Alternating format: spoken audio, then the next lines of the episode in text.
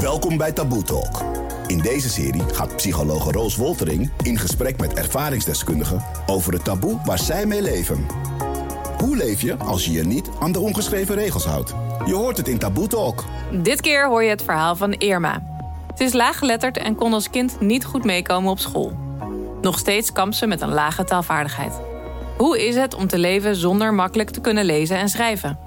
Taalvaardigheden zegt niks over hoe, hoe intelligent je bent. Maar je hebt mensen die kunnen helemaal niet lezen en schrijven. En die hebben ik weet niet wat bereikt in het leven. Dit is Taboe Talk. Een branded podcast van KPN. Geproduceerd door NSC XTR. Waarin onbespreekbare onderwerpen aan de kaak gesteld worden. Over hoe technologie mensen met elkaar verbindt. En mensen helpt om taboes toch bespreekbaar te maken. Mijn naam is Roos Woltering en vandaag spreek ik met Irma. Welkom Irma. Hallo. Ook even om ons een beeld te vormen. Wat kun je nou wel en wat kun je niet? Dus hoe ziet jouw laaggeletterdheid eruit? Kun je bijvoorbeeld appen of verkeersborden lezen, googlen? Vertel eens. Nou, uh, het is wel zo, zeg maar. Uh, tegenwoordig heb je heel veel met tekst. En uh, ik kan bijvoorbeeld wel appen, maar ik doe altijd korte zinnetjes. Of ik spreek het liever in. En bijvoorbeeld mails, goede mails typen is heel lastig voor mij. lange stukken lezen is ook heel vermoeiend als je de mogelijkheid hebt om te bellen om een afspraak te maken, heeft dat dan altijd je voorkeur? Altijd. Altijd. Ah, altijd heeft altijd mijn voorkeur. Ja. En ook bijvoorbeeld als je reclame hebt, dan uh, is het vaak ook. Die lees ik niet zoveel. Ik lees eigenlijk dat pak ik nooit. Hm. Dus dan mis je ook wat, waardoor je wat goedkoper uh, boodschappen kan doen. Ja. Nou, als mijn zus zo aardig, dan uh, mailt ze die altijd eventjes of appt ze even snel. Wat ik ook altijd heel lastig vind, dat kom je wel tegen als je bij de NS bent of je reist met openbaar vervoer dan uh, verspringt soms. Hè? Als, je, als je dan, als ze dan zeggen, oh, je moet naar spoor 6 of zo. Mhm. En waar je dan heen moet, dan verspringt dat soms. Mm Nou, tegen die tijd dat ik dan gezien heb dat het versprongen is, verspringt het soms alweer. Dus je kunt wel lezen en schrijven, maar het kost gewoon meer moeite dan bij de meeste mensen. Klopt dat? Ja, dat, dat uh, kost meer moeite. Kost meer tijd, kost meer energie. En dat vraagt gewoon heel veel van je. Wanneer en hoe merkte je dat je moeite had met taal?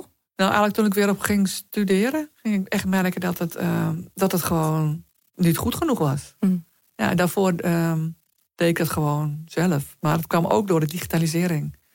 Want voor die digitalisering kon je heel veel even bellen, even langs gaan. En vanaf dat moment dat die digitalisering uh, meer kwam, ja, werd je verwezen naar de website.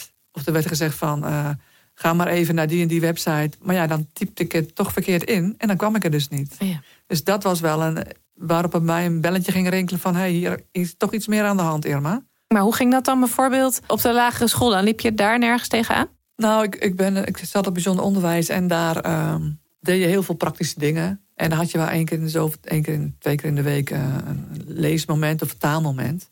Maar die docent die had dan een bepaalde ronde om te kijken of iedereen aan het lezen was. En ik wist precies hoe hij dat deed.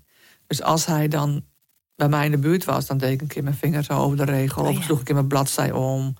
Weet je, en dan leek het net alsof het allemaal goed ging. Maar uh, op een gegeven moment. Uh, je hebt de boel een beetje voor de gek gehouden. Nou ja, waarschijnlijk wel. Ja. Was je je daar toen al bewust van? Nee. nee ik was niet bewust van het feit dat ik dat. Uh, nee, ik vond het gewoon niet zo prettig om te doen, lezen. Hmm. Ja, en omdat ik natuurlijk verbaal wel goed ben, viel het ook niet zo op. Oh ja. Totdat ik op een gegeven moment, ik kom uit een christelijk gezin, totdat ik op een gegeven moment, uh, nou, wij lazen uit de Bijbel na het eten en dat deden mijn zusters, zusje en mijn zusje ook en ik meestal niet. Dus ik dacht, nou, dat wil ik ook wel een keer. Nou, dat was prima, dus dan mocht ik ook lezen. En toen, toen ja, ik was gewoon aan het lezen en uh, ik voelde dat mijn ouders zo aan elkaar, naar elkaar aan het kijken waren, zo van, hier klopt iets niet. Nou ja, en toen uh, kwam er al een beetje uit, zeg maar, dat dat, dat helemaal niet goed kon. Hm. En Hoe oud was je toen? Nou, elf, bijna twaalf. En uh, ja, toen hebben ze school gebeld en toen zijn ze nog aan de slag gegaan. Maar ja, na een half jaar zou ik naar de middelbare school gaan. Dus ja, dat is eigenlijk een beetje ja, in het water gevallen, zeg maar. Ze konden daar niet zo heel veel mee mee. Ik merkte wel dat mijn jongste zusje en mijn oudste zus bijvoorbeeld wel uh, sneller konden lezen, sneller even een briefje konden typen, weet je, dat soort dingetjes. Mhm. En uh, ja, dat, dat kostte mij gewoon, dat kost mij nog veel tijd en energie. Ja. Maar uh, ik probeerde dat altijd dan op een andere manier in te halen. Dus ik was altijd wel een beetje bezig om alles te compenseren. ik had een keer gesolliciteerd ergens en toen zeiden ze van, nou is goed, nou ja, dus ik was aangenomen. En toen bleek dus dat ik toch standvaardig niet genoeg was, maar dat had ik dus niet door. Maar zij, uh, ja, zij zagen dat natuurlijk wel, want ja, toen hebben ze me wel een beetje uitgelachen en zo. En toen ben ik ook niet in die Uitgelachen? Ja, best wel. Ja, ik zat echt wel te werken daar en dan voelde je gewoon een beetje, oh, een beetje grinniken naar elkaar toe. Oh. Ja, weet je, dat zijn dingetjes waar, je, waar ik wel tegenaan liep. Omdat ik natuurlijk zelf ook niet wist dat ik over een grens ging van iets wat ik niet kon. Oh ja, dus, dus er werd wat gelachen om jou. Wat, wat... Ja, ik voelde dat, dat voel je. Ja. Alleen, het, is me nooit gezegd, zeg maar, dat dit, dat, dat die taalvaardigheid was. Ik hm. heb wel eens gevraagd van, ja, wat, is, wat was het dan? Ja, je bent een hele leuke vrouw, leuke meid, maar je past niet in het team. Maar dat was het niet. Oh ja. Kijk, ik vind het jammer dat ze dat niet gezegd hebben. Ja, want, wat, wat, wat, want dat, heeft opgeleverd? Mij, nou, het had mij opgeleverd dat ik inzicht kreeg in wat mijn grenzen zijn. Hm. En wat... Uh, dan hoefde ik daar niet iedere keer mijn hoofd te stoten. Ja. Als je niet weet dat je het niet kunt. Als je het verschil niet weet. Schaamde je je ook op dat soort momenten? Uh, ik voelde me wel minderwaardig, dat wel. Ik schaam me, nee, ik schaam me er niet voor. Ik, uh, dat is ook een keer gekomen doordat ik hoorde een keer aan iemand, vroeg ik eens een keer van.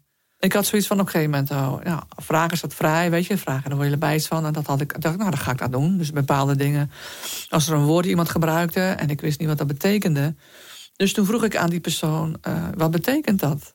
Dus hij keek me aan van, nou, dat weet je toch wel. Hmm. Ik zeg, nee, want daarom vraag ik het. En toen, toen keek hij me aan en toen zei hij... Hij, zegt, hij werd een beetje rood, zegt, ik kan het eigenlijk niet uitleggen, zegt hij. Oh ja. En toen dacht ik van... Uh, toen zei ik van, nou, wie is hier nou dom? ja, nou, en dat moment, dat is altijd wel een trigger voor mij gebleven. Oké, weet je, ik hoef me daar niet voor te schamen. Je kunt woorden gebruiken omdat je een bepaald niveau opgevoed bent. En dat je daar dan bekend mee bent. Maar dat wil nog niet eens zeggen dat je kunt uitleggen waar je het over hebt. Ja. Dus en toen had ik wel zoiets van: oké, dit was wel een onpunt van mij. Nou, daar hoef ik me echt niet voor te. Dus ik hoef me niet te schamen. Ja, wat goed. Ja. ja, dat heeft me ook heel goed gedaan. Ja, ja, ja. En, uh, ja. Heeft laaggeletterdheid dus niet per definitie iets met intelligentie te maken? Of per definitie niet? Hoe zie jij dat? Nou, ik denk dat dat verschillend is per persoon. Maar het, ik vind niet dat als je laaggeletterd bent, dat je gelijk uh, dom bent. Taalvaardigheden zegt niks over hoe, hoe intelligent je bent. Hm zegt helemaal niks over. Je hebt mensen die, uh,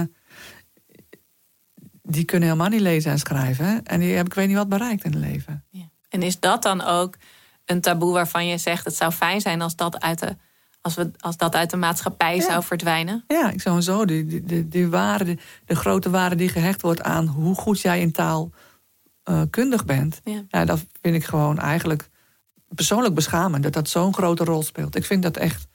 Ja, dat vind ik echt erg. En dat zou echt wel moeten kunnen veranderen. Ja. En ik denk als je ook meer gewoon.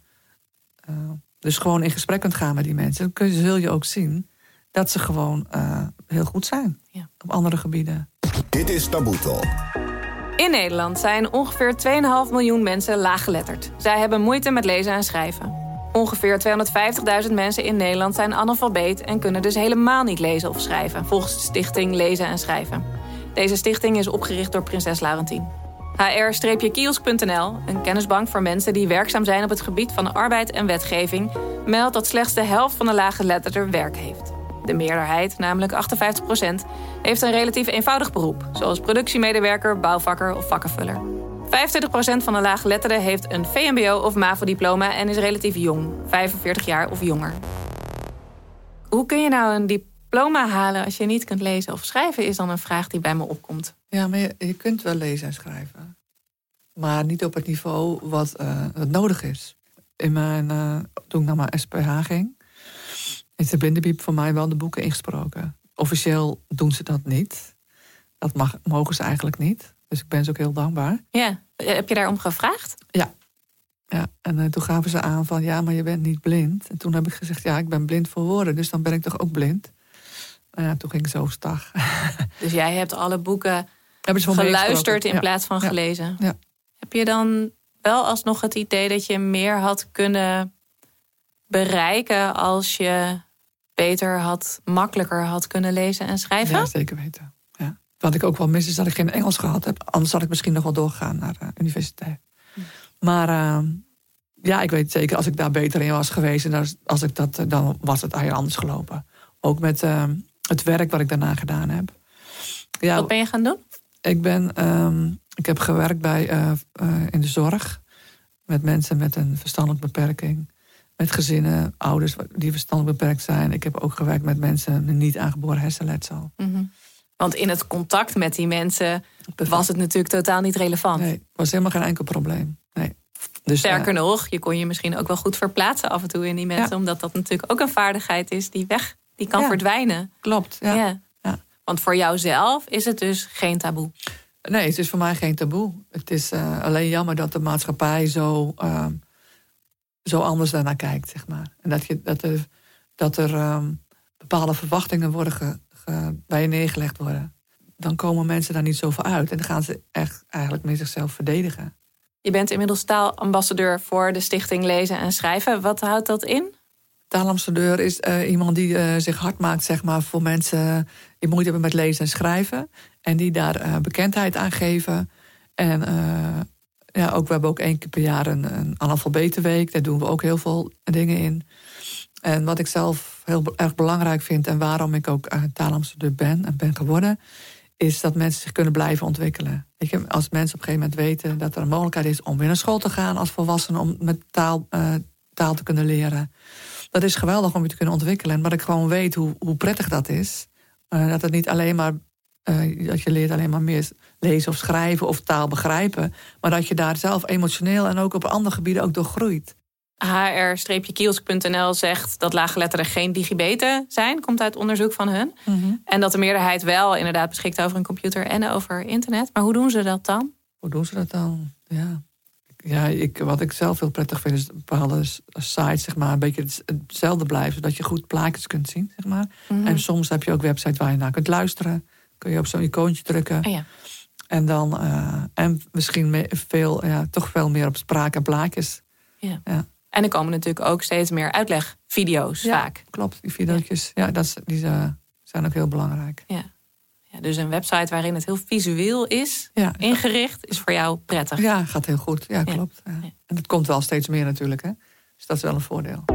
Dit is Taboe Talk. Analfabetisme is niet kunnen lezen en schrijven. Lage letterdheid is te veel moeite hebben met lezen en schrijven om voldoende te kunnen functioneren in het dagelijks leven. We vroegen ons af wat de mensen op straat weten over analfabetisme of laaggeletterdheid. Volgens mij is laaggeletterdheid iemand die moeilijk of niet kan lezen en schrijven. Laaggeletterdheid, ja, dat is de, toch wel de mensen die uh, vaak de woordenschat heel erg uh, kort hebben. Dus uh, heel vaak de woorden herhalen en denken dat daarmee de juiste zinnen zijn. Laaggeletterdheid vind ik ook dat de mensen die een dyslexie hebben... Uh, die dan daardoor niet de lering kunnen hebben uit dus de woorden die ze kunnen leren. Waar zou ik tegenaan lopen als ik niet kon lezen en schrijven? Dat is uh, lastig, uh, omdat ik eigenlijk niet, niet, heel veel gebruik in mijn werk. Maar het zou voornamelijk zijn dat ik de kassa niet kan gebruiken... of menus kan lezen voor de nieuwe kaarten en dat soort dingen.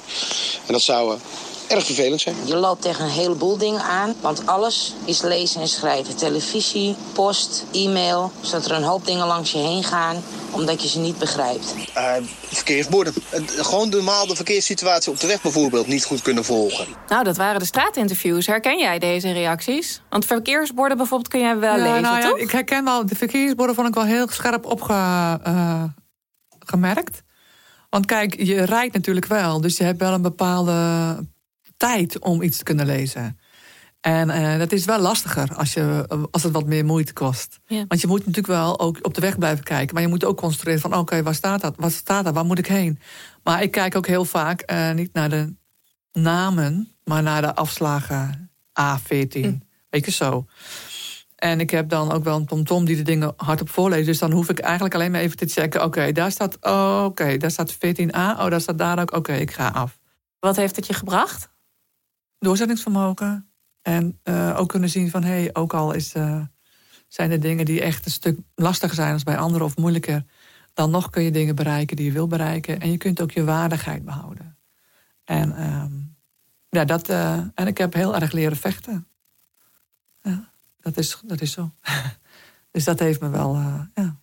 En ook denk ik dat ik meer dingen aanvoel, emotioneel dingen aanvoel bij mensen, dat ik daar veel gevoeliger voor ben. Hoe kan de maatschappij mensen, laaggeletterden of analfabeten helpen? Ja, nou, ten eerste gewoon uh, respect geven. Dat mensen er gewoon veel meer bij stilstaan. Dat taal niet altijd makkelijk is voor iedereen. Ja. En niet gelijk een oordeel vellen over iets. Taaltovenaar Aquasi is er weer met zijn visie op dit thema.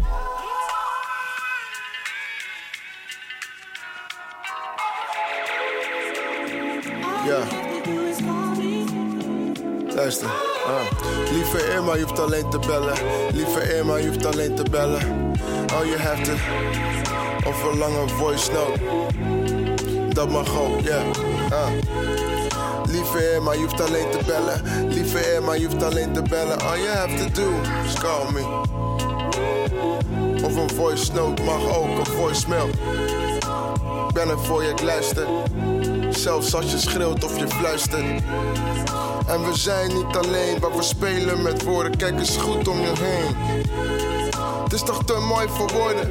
Dus wie is hier nou dan? Maak af waar je aan begint. Woord voor woord, zin voor zin. Dure woorden maken je niet slim. Nee, Irma, all you have to do is call me. Dan praten we door en praten we door, dus Irma. All you have to do is me. Bellen gaat sneller. Bellen gaat veel sneller. Dit was Taboe Talk, een branded podcast gemaakt door NRC XTR in samenwerking met KPN, het netwerk van Nederland. Check kpn.com om te zien hoe KPN ook op andere manieren Nederland in verbinding brengt.